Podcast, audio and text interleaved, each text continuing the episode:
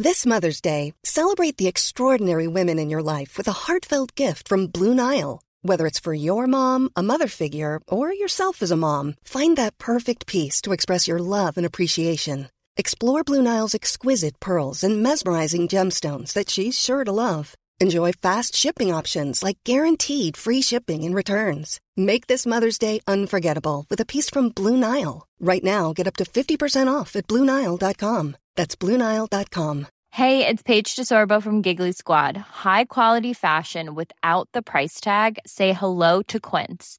I'm snagging high end essentials like cozy cashmere sweaters, sleek leather jackets, fine jewelry, and so much more. With Quince being 50 to 80% less than similar brands. And they partner with factories that prioritize safe, ethical, and responsible manufacturing. I love that. Luxury quality within reach. Go to quince.com slash style to get free shipping and 365 day returns on your next order. Quince.com slash style. Everyone knows therapy is great for solving problems, but getting therapy has its own problems too, like finding the right therapist, fitting into their schedule, and of course, the cost. Well, BetterHelp can solve those problems. It's totally online and built around your schedule. It's surprisingly affordable too. Connect with a credentialed therapist by phone, video, or online chat, all from the comfort of your home. Visit betterhelp.com to learn more and save 10% on your first month. That's BetterHelp, H E L P.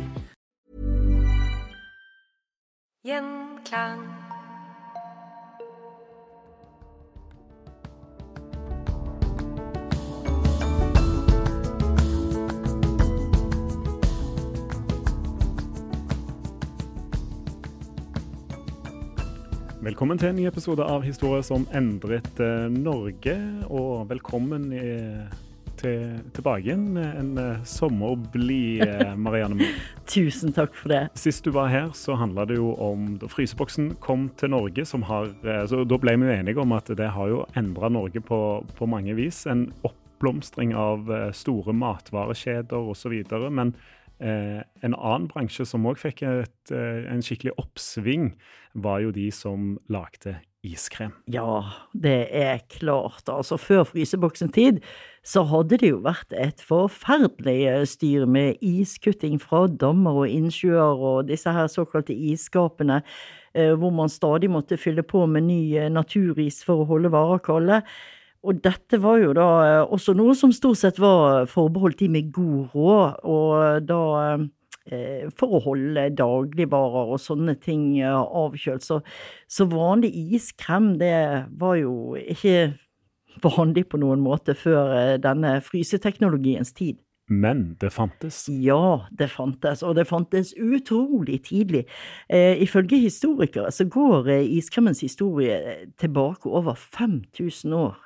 5000? Ja. Okay. Altså, det var jo da eh, rike hus i Kina som begynte med dette her, eh, mener forskerne, da, for da eh, serverte de isbiter og snø da på bordet.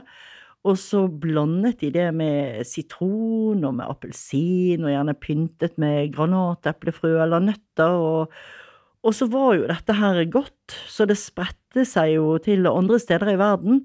Vi kan vel kanskje best sammenligne det med en slags variant av nåtidens slush. Den, den, den, tidligste isen. Men det tok altså lang tid før eh, iskremmen kom til Norge. Ja, men at slushen var 5000 år, den er, den er, det er jo litt gøy, da. Men, eh, men, eh, her hjemme, da, vikingene, holdt de på med noe? Eh, tok de seg en, en is eh, Når de var ute på tokt, ja. Nei, altså, jeg skal ikke si at det aldri har hendt, men uh, historien sier i hvert fall ingenting om isspisende vikinger. så det var i hvert fall ikke en skikk som de tok med seg hjem her til, eh, til lands. Ja, ok. Så, men hvis vi ikke skal takke vikingene for iskremen, hvem kan vi takke da? Du, da må vi sende en varm takk til en mann som heter Sven Henning Olsen. Uh, han startet ikke bare opp som uh, den første iskremprodusenten i Norge, men faktisk i hele Norden, når han begynte med det i 1924. Ja, og da har jeg en idé om hvor han har lært det hen, men uh, hvor, hvor, uh, hvor, hadde han lært seg iskrem? Du, du vil til Amerika, sant? Ja. Jo da, for denne moderne iskremindustrien den startet jo egentlig når italienske og franske konditorer tok med seg all kunnskapen sin til Amerika. Og du vet, der blomstra ting, så det tok jo ikke lang tid før dette ble både god butikk og skikkelig populært.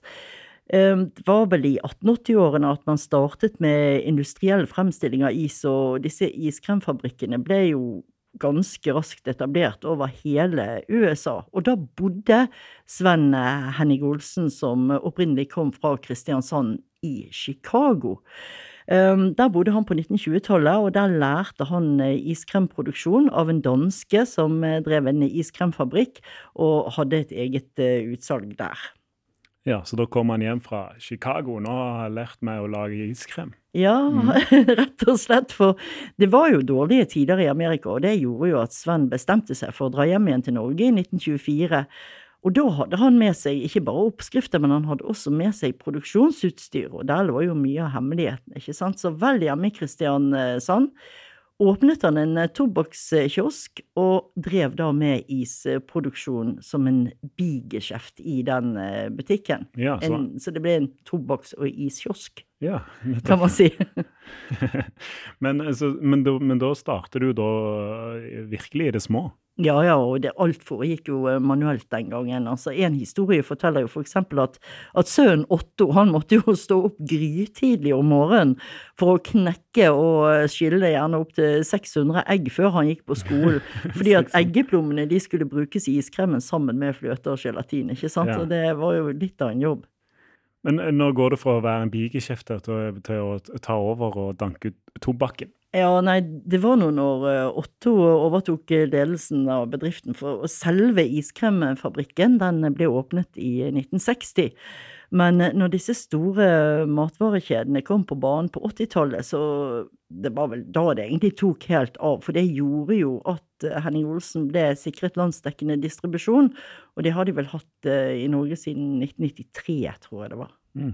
Men det, altså, det er jo um i dag finnes det jo et vell av isprodusenter, uh, men Henning Olsen var alene om å produsere dette i starten, eller? Altså De var først ute, men de var langt ifra alene, for i 1920-årene så var det flere, spesielt konditorier og meierier, som ja. begynte å, å, produsere iskrem. Og da gjorde de det etter eh, en såkalt bøtteproduksjon, som det kalles, altså hvor man lager en kuldeblanding av salt og råis for å oppnå eh, en temperatur som gjør at man da kan produsere denne isen. Eh, har du noen eksempler på hvor dette ble gjort? Ja, Varhaug meieri på Jæren, eksempel. Varhaug? Varhaug. det er det de sier der. Ok. Ja. da, må jeg, da, må jeg, rette meg sjøl. Nei, nei, nei. nei. eh, de laget is på den måten. Og i samme året, 1926, så begynte man også å produsere iskrem ved Manger meieri. I 29 eh, så startet de eh, ved Frue meieri i Stavanger. Og Trondheims melkeforsyning de startet også opp samme året, så jeg tror nok det var veldig mange rundt omkring som kastet seg på denne istrenden eh, i hele landet, men det var altså Henning Olsen som var først ute, og er jo egentlig for så vidt Eh, jeg vet, eh, en av de få gjenlevende private bedrifter innen næringsmiddelindustrien i Norge. Ja, altså en ekte familiebedrift, da. Ja, altså i dag er det vel tredje generasjon som eh, tar dette her IC-eventyret videre. Så dette her er jo en sånn god, gammeldags bedrift hvor hemmelige oppskrifter går i arv fra generasjon til generasjon. og og om det ja, selvsagt kommer eh, nye produkter på markedet, så finnes eh, fremdeles disse gode klassikerne den dag i dag. Og det er, det er jo bare helt herlig. Ja, vi må, eh, altså, vi gå litt i de eksemplene. Kronisen. Eh, det er vel en, en, av de klassikerne? Ja, absolutt. Altså, Kronisen er jo flaggskipet i eh, norske isdisker, om jeg kan kalle det for seg. Det, det er en sikker vinner. Jeg tror faktisk ikke at noen iskrem har hatt eh, større suksess enn eh, kronisen noensinne, her til lands eh, i hvert fall. Så den er nesten blitt litt sånn Coca-Cola. Ja, hva, hva, tenker du da? Nei, altså Det jeg tenker på, er jo egentlig at uh, du vet hva du får. Når du kjøper en vanlig cola, så er det den samme smaken i dag som når jeg sprettet den som eh, 20-åring. Det er stor eh, entusiasme, for nå var det endelig helg. Ja. Og sånn er det også med kronisen. Altså, Ja. du får eh, De bruker den samme oppskriften som det de gjorde når isen ble lansert. Det er den samme gode smaken eh, du får i dag som du husker fra når du var liten. Så det er altså rett og slett eh, ekte nostalgi. Og det er jo eh, egentlig i vår tid ganske sjeldent at et produkt klarer å appellere til generasjon etter generasjon etter eh, generasjon. Og være treffe like godt, ikke sant? Mm. Er, er kroneis-elskere mer lojale mot favorittisen sin enn andre, tror du? Det jeg har nesten inntrykk av at uh, vi er ganske lojale kronispisere alle sammen. Altså bare på Henning Olsen så produserer de i dag rundt 15 000 kronis i timen. Så kronis, det går det unna på, men eh, kronispisere er kanskje også i overkant eh, gjennomsnittet lojal til smaksfavoritten sin. For der kan du nesten dele folk inn i to leirer, altså. Er du sjokoladekroneisspiser, eller er du jordbærkroneis-spiser? Det er nesten litt sånn er du katte- eller eh, hundemenneske. Hvem fle- finnes det flest av, da? Altså kronis? Ja, altså det er utvilsomt jordbærvarianten som er bestselgeren. Ja, okay. og, og det var nok også derfor at de eh, valgte å lage en, eh, en eh, jordbærkroneis i eh, 2015, tror jeg det var, når eh, Henning Olsen kastet seg ut i et helt fullstendig ellevilt verdensrekordforsøk. Ja, Det må du fortelle om. det. Altså, det er jo mange år siden, så jeg kan ikke si om den rekorden står ennå. Men eh, de lagde altså en helt gigantisk eh, kroneis den gangen. Den veide nærmere et tonn. Den bestod av eh, langt over 1000 liter. Jeg tror det var 1080 liter iskrem, 60 liter sjokolade, 40 liter nyrørt jordbærsyltetøy og 75 kilo kjeks. Hvordan lagde de den, da? Ja, det var jo ikke uten utfordringer, for den var jo gigantisk. Så de måtte rett og slett eh, lage en hel haug med spesialinnretninger for i det hele tatt å få det til. Og så eh, ble da denne rekordiskremen flydd ifra iskremfabrikken eh, og bryggeområdet i Kristiansand, hengende da under et helikopter. Så, Det høres litt dumt ut, da, men, men spektakulær. ja, ja, absolutt, ikke sant? Så det er nok sikkert mange som husker det den dag i dag. De så liksom denne gigantiske isen som ble flydd inn. Og den ble jo også spist opp, men det var vel hele 9000 mennesker som uh, måtte til for å, å gjøre kål på den. Det er forresten noe du kan lese om hvis du har liggende Guinness rekordbok fra 2018 på hytten eller landstedet eller eh, hjemme, for den saks skyld. Ja. Uh, sjekk det opp, for der, der står det mer om akkurat den historien der. Men, men kronisen har jo altså Jeg jeg blitt fortalt at det er i gamle dager så kosta det en krone, men er, det, er det fordi han eh, kosta en krone som, som jo at han heter kronis? Ja, altså, For å finne svaret på dette navnet, så må vi faktisk til en annen norsk isprodusent, Diplomis. Ja, de, jeg fortell litt om de òg, da, sånn at eh, vi vi vekter her litt. Ja. Eh, er historien litt lik eh, Henning Olsen, eller? Altså, Det vi eh, i dag kjenner som eh, Diplomis, det startet egentlig eh, når melkeforsyningen i Oslo overtok eh, Lille Tuft meieri på Grünerløkka. Det var i eh, 1930. Og da fikk de med en liten iskremavdeling på kjøpet. Ja, en herlig liten bonus Ja, der, altså. ikke sant, det kan du trygt si.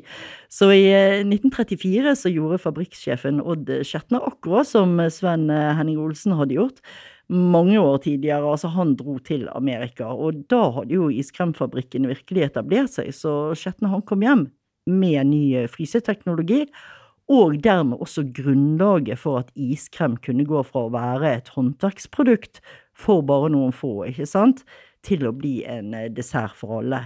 Ja, og da vokser vel og bedriften. Ja, bedriften eller familien, eh, om du vil. For det som skjedde her, var at eh, lokale meierier og mindre iskremfabrikker over hele landet slo seg sammen til det som vi i dag kjenner Diplomis.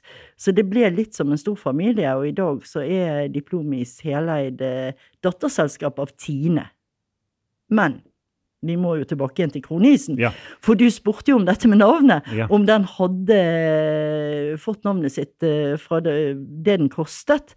Og der må jeg nesten få fortelle deg en historie. Ja, ja, derfor du er her. Ja, i, i 1954 så kostet eh, faktisk kronisen bare 75 øre. Ja, ja. Men da het den ikke kronis. Um, For det man ønsket når man laget den isen, det var jo å skape en ferdig is, hvis jeg kan kalle det for det, som ga følelsen av å spise en kuleis i kjeks, ikke sant? Så selv om eh, ikke kulen ble formet der og da i butikken, og du fikk servert den over disken, så eh, hadde man liksom litt den feelingen når man åpnet eh, en is. Um, så det vi kaller kronis i dag, når den ble lansert, het eh, Diplomat, for det var Diplomi som eh, lanserte den. Men det navnet endret seg jo raskt. Ja, og hvorfor gjorde det det? Jo, det hadde seg sånn at eh, Norges eh, bondeungdomslag i 1954 skulle ha et stort landsstevne. Men for å unngå problemer med vekslepenger, som eh, siden den eh, diplomatisen da kostet eh, 75 øre, Ja. så laget de et parti is som var litt større enn den eh, til den prisen, og da skulle den koste én krone, for da var jo det mye lettere å få salget i boks, da. Men så ble hele bestillingen kansellert i siste liten. Eh, Hvorfor det? Fordi en luddig lokal eh, konditor hadde tilbudt seg å levere rimelige wienerbrød. Eh, og bondeungdomslaget ja. Da ville de ikke ha is? Nei, da fant de eh, Vi går for den billige løsningen. Det blir wienerbrød i år, ikke sant? Og det var selvfølgelig litt kjedelig, for eh, da satt jo eh, Diplomis plutselig igjen med 300 litt for store diplomatiskremer som de måtte få solgt, og da var jo eh, gode råd dyre, så det var jo på høstsesongen. Så her måtte På høsten òg, ja. ja, så, så her måtte de være kreative. Og det som ble løsningen, det var Jarlsberg travbane og en iskremkiosk i Tønsberg sentrum. Um, de fikk pøst ut disse iskremmene. Og når eh, denne lokale iskremdirektøren, da, Finn eh, Vittersø, var innom eh, denne kiosken i Tønsberg for å se hvordan det gikk med salget, så var det en liten jente som kom inn og spurte innehaveren av kiosken, som het Jenny. Har du en sånn der kroneis i dag, Jenny? Og dermed så ble kroneisen født. Så da skiftet de rett og slett navn, og siden den gangen så har kroneis vært kroneis. Ja. Men ja, så, så da matcher jo på en måte navnet prisen òg, da. Men det må jo bare ha vært i noen år, da. Ja, det stemte vel helt frem til 1970. Da steg han til 1 krone og 25 øre. Ja. Men beholdt navnet, da. Ja. Men jeg må nesten få nevne en liten kuriositet også, for du vet den der lille sjokoladeklumpen som ligger helt i bunnen av kjeksen? Ja, den liker du. Ja, den liker vi jo alle, ikke sant. Det er jo veldig manges favoritt. Og en god avslutning på en herlig is, men den ble til ved et uhell. Fordi man ville prøve å holde kjeksen sprø, og da begynte man å eh, eksperimentere med å sprøyte sjokolade på innsiden av kjeksen for å unngå at den myknet av isen, ikke sant? Ja. Og så ble det litt mye, sånn at overskuddet samlet seg i bunnen av kjeksen som en sånn liten sjokoladepropp nederst, da. Og den ble så populær at eh, det er en feil som rett og slett har blitt eh, beholdt. Har, de, har, måttet gjøre det sånn eh, til evig tid. For hadde du fått en kronis uten denne lille sjokoladebiten i bunnen i dag, så hadde du kanskje følt det litt snytt. ja da, da hadde det Vært litt nedtur. Ja. Det var noen som skulle få hørt det. Men er dette, er dette din favorittis? Det høres litt sånn ut. eh, kronisen. Altså, Ja. jeg sier ikke nei til en kronis, det må være helt klart. Men hvis jeg har valget, så eh, hadde jeg kanskje heller gått for en båtis. Å, det er godt. da. Ja, ikke sant? Og når den får ligge et minutt eller to etter at du tar den opp av fryseren før du spiser den, så er den altså helt perfekt. Ja. Eh, Båtisen har jo sånn nostalgipreg over seg. Det blir litt sånn nostalgitripp, dette her da, eh, Marianne. Men det er jo, det er jo hyggelig, det da. Men eh, at det er din favoritt, det stammer fra barndommen, da? eller? Ja, jeg tror det, det kommer nok eh, langt tilbake igjen. Den ble jo lansert så tidlig som i 1962. Og det er jo hyggelig å finne et produkt som er eldre enn en selv. Men det som ble litt gøy med den, altså, det var jo i, i reklamekampanjen for båtisen, så eh, den het Tipp Topp, den båten, da. Eh, Så var det en haug med sånn måker som svermet rundt eh, en, en sjømann, da. Masse kvinnelige beundrere og sånn, da. Mo- som var rundt denne her eh, matrosen, var han vel. Han hadde sånn Ja. eh, matrosgenser på seg. Og så sier da han liksom 'Ohoi, landkrabber, under vei, her kommer jeg'. Så det var altså Det var altså en is som opprinnelig ble lansert for ekte sjømenn. Ja. ja. Ja, nettopp. Og den bet jeg på, vet du. Men Når vi snakker om, om personlige favoritter, så må jeg jo innrømme at en is jeg virkelig har savnet, det var den som het Kjempejes. Kjempegjes. Ja. For du vet jo det at gravide kvinner de får gjerne cravings. Og når jeg eh, var gravid med datteren min, så var det altså kjempejes. jeg måtte ha. ja. Men det, altså, det er den um, altså litt sånn myke saftisen. Det var Drammensis, dette? her. Ja, Jordbær og appelsin? yes, det stemmer. Helt enestående konsistens. Den var nesten litt sånn sorbéaktig. Veldig smakfull, forfriskende og veldig avhengighetsskapende. Ja. Nei, det en, en favoritt blant mange, men den forsvant en periode fra markedet, gjorde den ikke det? Jo, eh, dessverre. Og årsaken eh, den var jo ekstremt eh, dramatisk, for bakgrunnen var jo faktisk en bombeaksjon som var rettet mot noen helt andre enn Iskremfabrikken. bare, så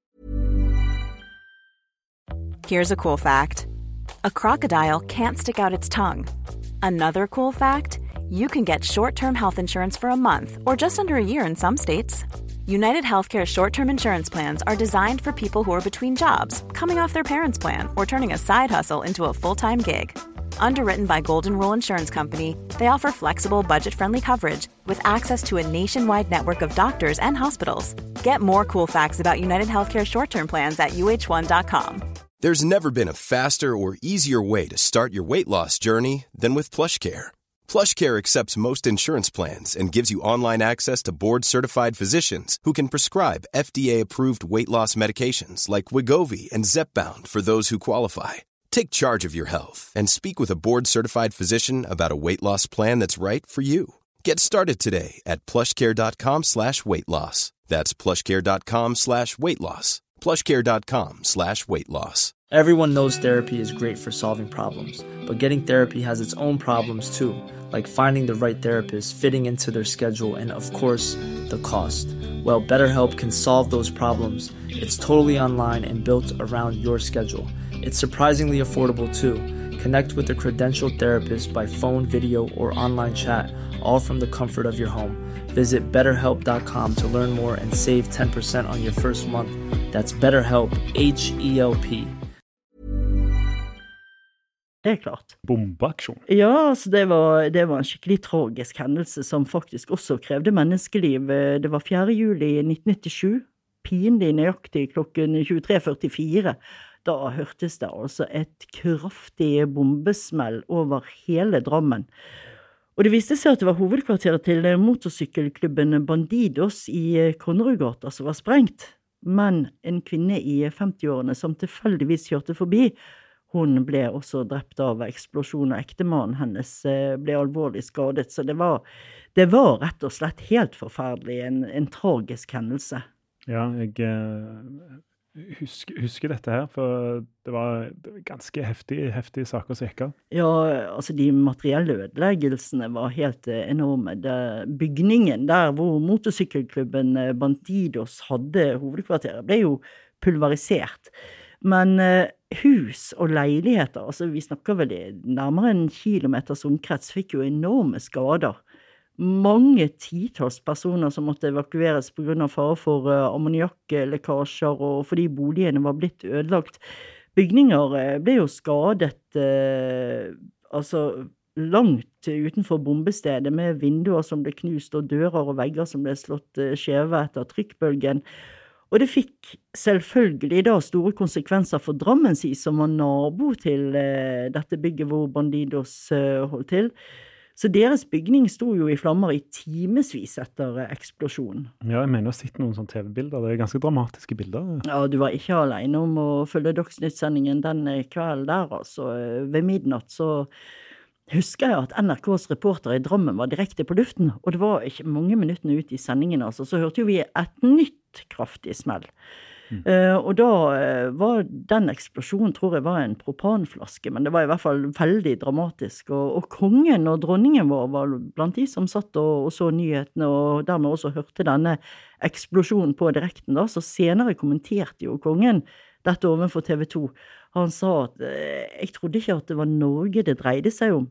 Det var helt uvirkelig, sa altså kong Harald. Så det er klart at ja, det var, det var voldsomt. Men, men hva, var, hva var egentlig bakgrunnen for for bombeattentatet. Altså, ja, altså politiet mente at uh, attentatet mot uh, Bandidos uh, var ganske velregissert og nøye planlagt. Rett og slett et terrorangrep hvor målet var da å få aksept og anerkjennelse fra en annen motorsykkelklubb, nemlig Hells Angels, og da internasjonalt. Ja, det, det ble oppklart sånn òg? Det tok sin tid, eh, men eh, ja, fire og et halvt år eller noe sånn senere, så eh, ble i hvert fall sju personer tilknyttet Hells Angels tiltalt i, i saken. Ja.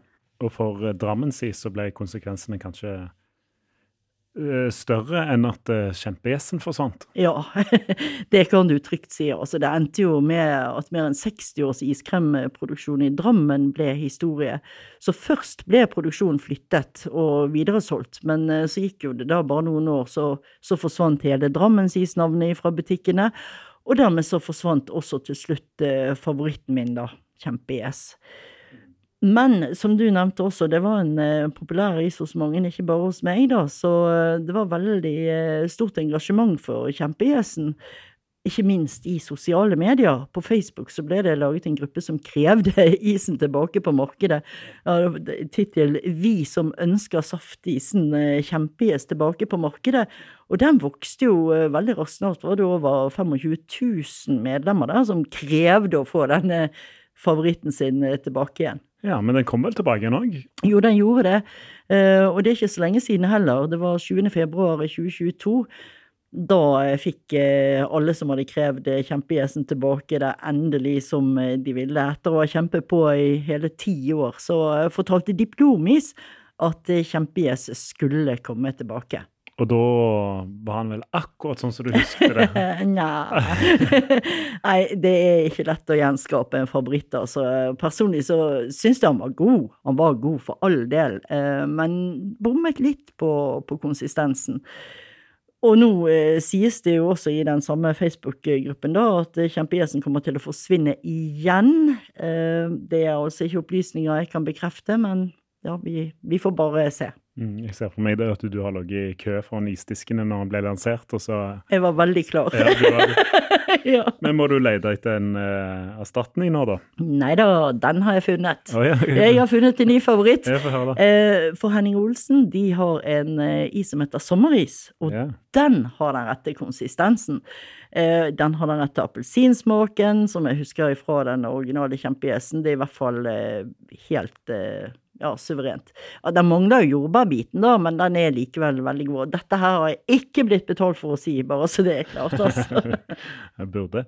Uh, men uh, jeg, nå bare leide jeg litt i kartoteket mitt her på, ja. på andre klassikere. Men pinupen er vel òg eh, Den vel også, har vel en sånn historisk svung over seg? Pinupen er jo definitivt en uh, klassiker, men det er nok en uh, en is jeg tror vi kan garantert si hadde fått et annet navn i dag. Ja, det tror jeg. Eh, for uh, altså, faktisk så hadde den jo et annet navn. Den het jo ikke opprinnelig pinup, og det er jo eh, nesten det morsomme med det. Den het Sjokoladepinne da den ble lansert, faktisk. Også. Sjokoladepinne? Ja, Sjokoladepinne het den på 17. mai 1950. Så det var jo ikke like sexy, men lanseringen av denne sjokoladepinnen den ble litt vovet for eh, mange. Ja, ja for den, den, var litt sexy, eller? Ja, eh, i forbindelse med lanseringen så hadde butikkene fått tilsendt sånne plakater, sånne svære plakater av en bikinikledd jente som støtte seg til en snømann på en badestrand, med slagordet da 'Vi har den ideelle formen'. og en, eh, en kioskeier i Tønsberg eh, syntes jo at dette var så drøyt at hun tegnet en kjole på denne bikinikledde damen, da. For eh, som hun sa, jeg kan ikke ha en sånn pinnep hengende i vinduet. Hun ble rett og slett litt uh, flau over det. Men enden på visen var jo da at denne historien ble plukket opp, og isen skiftet navn til pinup istedenfor. Så ja, det er helt fantastisk. Hun måtte, måtte, nok ha en pinup i vinduet. ja. Men, men uh, ja, ja, er det flere sånne historier på disse isene vi kjenner igjen? Ja, altså du har jo gullpinnen, og nå må du ikke tenke i koffert, for den spiller Nei, men altså, den spiller faktisk ikke på sex. det handler om sport. Uh, og det var en is man laget til ære for uh, en um, skøyteløper som het Frent Anton Meyer. Ja han var jo rett og slett uh, skøytekonge, og folk var jo helt eh, De satt jo spikret, ikke sant, for å følge hans eh, OL-deltagelse i 1968. Grenoble. Grenoble, det stemmer. Han skulle gå 5000 meter, og nederlenderen Kes Wenkerk han hadde gått og satt ny verdensrekord i løpet som gikk like før, og det alle lurte på jo, var jo rett og slett ville Maya takle presset? Og det gjorde han. Det gjorde han til gangs, for han slo både eh, Verkerk og verdensrekorden med nesten et helt minutt, og han tok OL-gull. Så da var jo det ingen tvil om at han fortjente sin egen is, og det måtte nesten være en eh, gullpinn, og den er sjukt god den dag i dag. og faktisk fremdeles en av mine absolutte favoritter. Ja, men det er jo noen uh, altså, Drillo-isen er jo sagnomsust, og jeg husker jo Ikke på sant? det var Både Solskjær og to andre Flo eh, hadde jo på 90-tallet en e- egen is. Ja, det, Så sportsnavnet de har ført eh, Ja, mye, mye godt med seg for Ja, farlige fristelser. Men nå har vi vært innom kronis, båtis, pinnis. Eh, noe vi ikke har snakka om, er jo da mm, softisen, som man eh, får i ulike størrelser. Det har vært litt debatt rundt den i, tidligere i sommer. Eh, De er for store, er det mange som mener. Ja, ja. Ja. Eh, men det er vel et resultat av en ny fryseteknologi, eller? Ja, når den kom, eh, så handlet det jo faktisk ikke bare om, om dette med, med fryseteknologien, men også om en annen teknologi, nemlig den med å blåse mer luft inn i isen. Og vet du hvem vi har å takke for det? Nei. Tro det eller ei, men det er ingen andre enn Margaret Thatcher. Nei, er det sant? Ja. Ja, nå begynner dette å ligne en historiepodkast. Ja, det var selveste jernkvinnen. Altså. Ja. For uh, Margaret Thatcher hun uh, var utdannet kjemiker. uh, og hun var en utrolig viktig brikke i den forskningsstaben som utviklet softis. Uh, så på 40-tallet så fant altså disse kjemikerne opp en pumpeteknikk som doblet mengden luft i iskremen. Og det gjorde jo at isen fikk en lettere konsistens, den ble mykere, den ble luftigere. Den ble mer kremaktig, og ja. det er jo klart, dette ble utrolig populært. Ja. Og den eh, Når kom han til Norge, da? Altså, vi har vel hatt eh, softis siden slutten av 50-tallet, men eh, Ja. det var jo svindyrt i starten. Altså, den første softismaskinen som kom til Norge i 1958, den kostet den gangen like mye som en folkevogn, så det var jo ikke hvem som helst som hadde råd til å investere i en sånn maskin. Nei. Nei, altså, det, det er jo Det koster jo litt å bemanne en softismaskin i dag òg, men du får jo kjøpt det nesten hvor som helst nå, da. Ja. Eh, men hvor solgte de den i, starten, da? Nei, man måtte gjerne til eh, et litt større konditori eller et bakeri for å kunne kjøpe en softis eh, i starten, for det var jo heller ikke så mange av disse maskinene i Norge. Så? Altså, I starten så var det kanskje totalt ti i Oslo og like mange i Tønsberg, men denne isen den ble jo så fort populær, og, og ryktet spredte seg jo, så man tok jo fort sjansen også andre steder i landet på å installere softismaskiner. Og ja, det ble godt mottatt eh, Mm. blant folk. Men, men han, når han kom, er det, er det sånn som vi kjenner softisen i dag, eller var han litt sånn annerledes? Ja, det er nok en stor forskjell, og, og heldigvis for det at eh, det har skjedd store forbedringer. I hvert fall med hensyn til matsikkerheten, for vi kommer jo ikke unna softis. Det er et eh, høyrisikoprodukt når det kommer til bakterier, for de trives jo, elsker jo eh, å, holde på i melkeprodukter.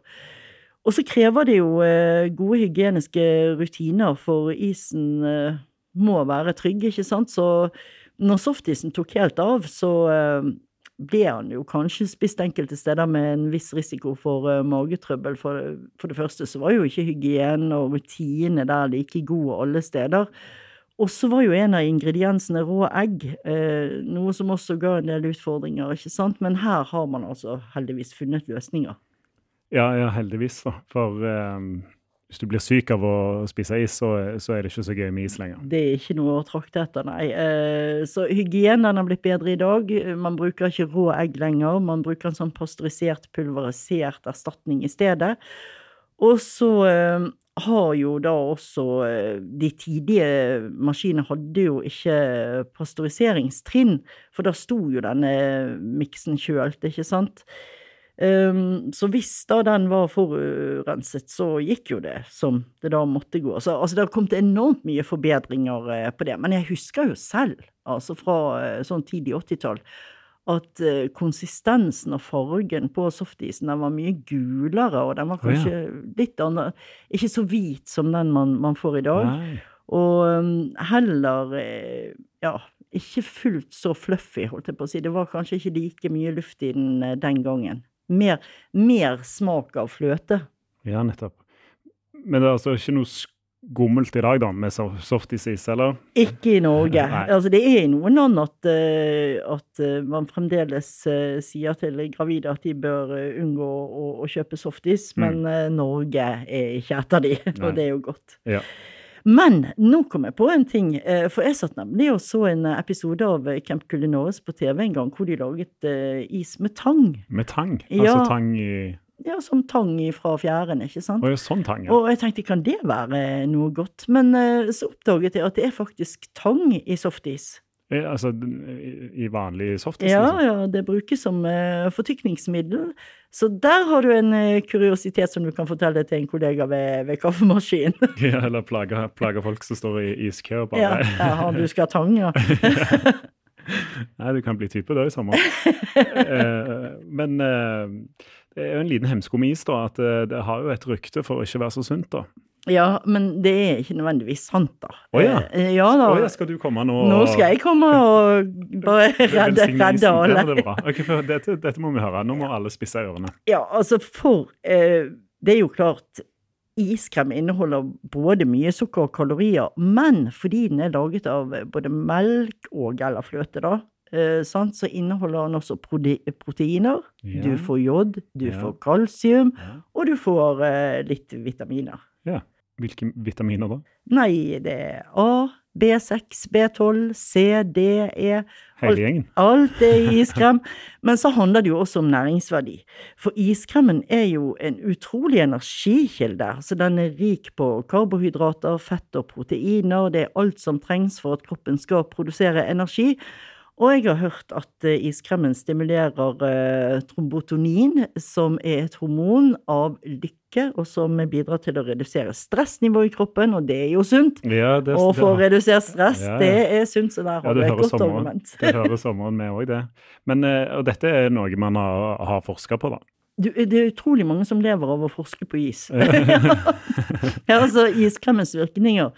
Eh, en studie som eh, ble publisert ved noe som het eh, Kyoren University i Japan, viste f.eks. at personer som spiste is om morgenen, de hadde mye lettere for å ta til seg informasjon enn de som ikke spiste is. Ja, se så. Og så var jo da teorien det at ja, kulde klarner hjernen, ikke sant. Så da forsket de også ved å teste effekten av å drikke et glass kaldt vann på morgenen. Men det ga ikke samme effekt. Nei. Så det var nok isen, ikke sant. Ja, Og så har du ja, en annen studie som ble publisert i American Journal of eh, Clinical eh, Nutrition. Den viste at kvinner som spiste en del melkeprodukter med naturlig fettinnhold per dag, sånn som iskrem, de gikk faktisk ned i vekt. Ja, hvem skulle trodd det? Ja, hvem skulle trodd det? Men eh, jeg ville nok ikke satset på en liter is om dagen som slankemetode. Altså, bare, det skal jeg ikke ha på meg.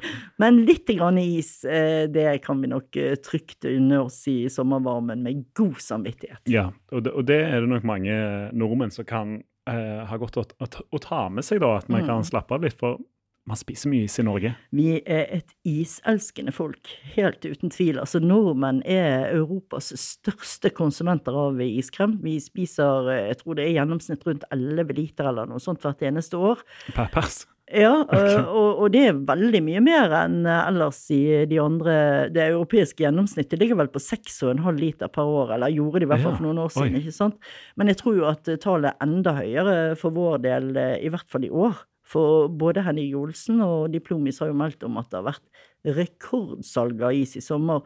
Og Diplomis eh, har sagt at de har hatt sin beste juni måned noensinne, eksempel. Og da må man huske på at de har solgt is i Norge helt siden 1930.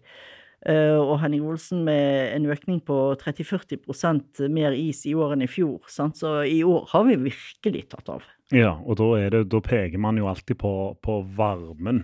Ja, den har nok hatt mye å si, men det er kanskje litt mer sammensatt, det bildet der. For uh, nå har det jo vært en utrolig varm sommer så langt, men hvis vi skal tro markedsanalytikere, så øker også salget av is ganske betydelig under økonomiske kriser. Og også under kriger, så hvem vet? Altså, kanskje vi rett og slett trenger en is av og til i den tiden vi lever i uavhengig av temperatur, altså både, ja. eller både av eh, varmen og, og, alt. Jeg føler i hvert fall at jeg begynner å trenge en is selv nå. ja, ja. Nei, eh, det blir det er høy risiko for at uh, jeg og Marianne Moe skal ta en is nå etterpå. Håper du som hører på har en fin sommer og koser deg med historier som endret Norge. Nye episoder kommer støtt og stadig gjennom juli. Minner òg om at uh, vår søsterpodkast Historier som endret uh, verden med Kristian Konglund fortsetter å levere episoder nå i sommer. Du følger oss gjerne òg på Instagram, skal vi se om vi får lagt ut noe isbilder, så du kan være med på uh, denne nostalgitrippen. Marianne Moe, takk skal du ha. Fortsatt god sommer.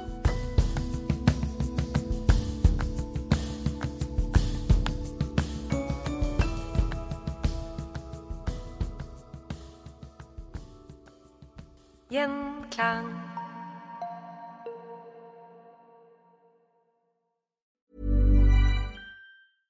Imagine the softest sheets you've ever felt. Now imagine them getting even softer over time. That's what you'll feel with Bowl and Branch's organic cotton sheets. In a recent customer survey, 96% replied that Bowl and Branch sheets get softer with every wash. Start getting your best night's sleep in these sheets that get softer and softer for years to come. Try their sheets with a 30-night guarantee. Plus, get 15% off your first order at bowlandbranch.com. Code BUTTERY. Exclusions apply. See site for details. Planning for your next trip?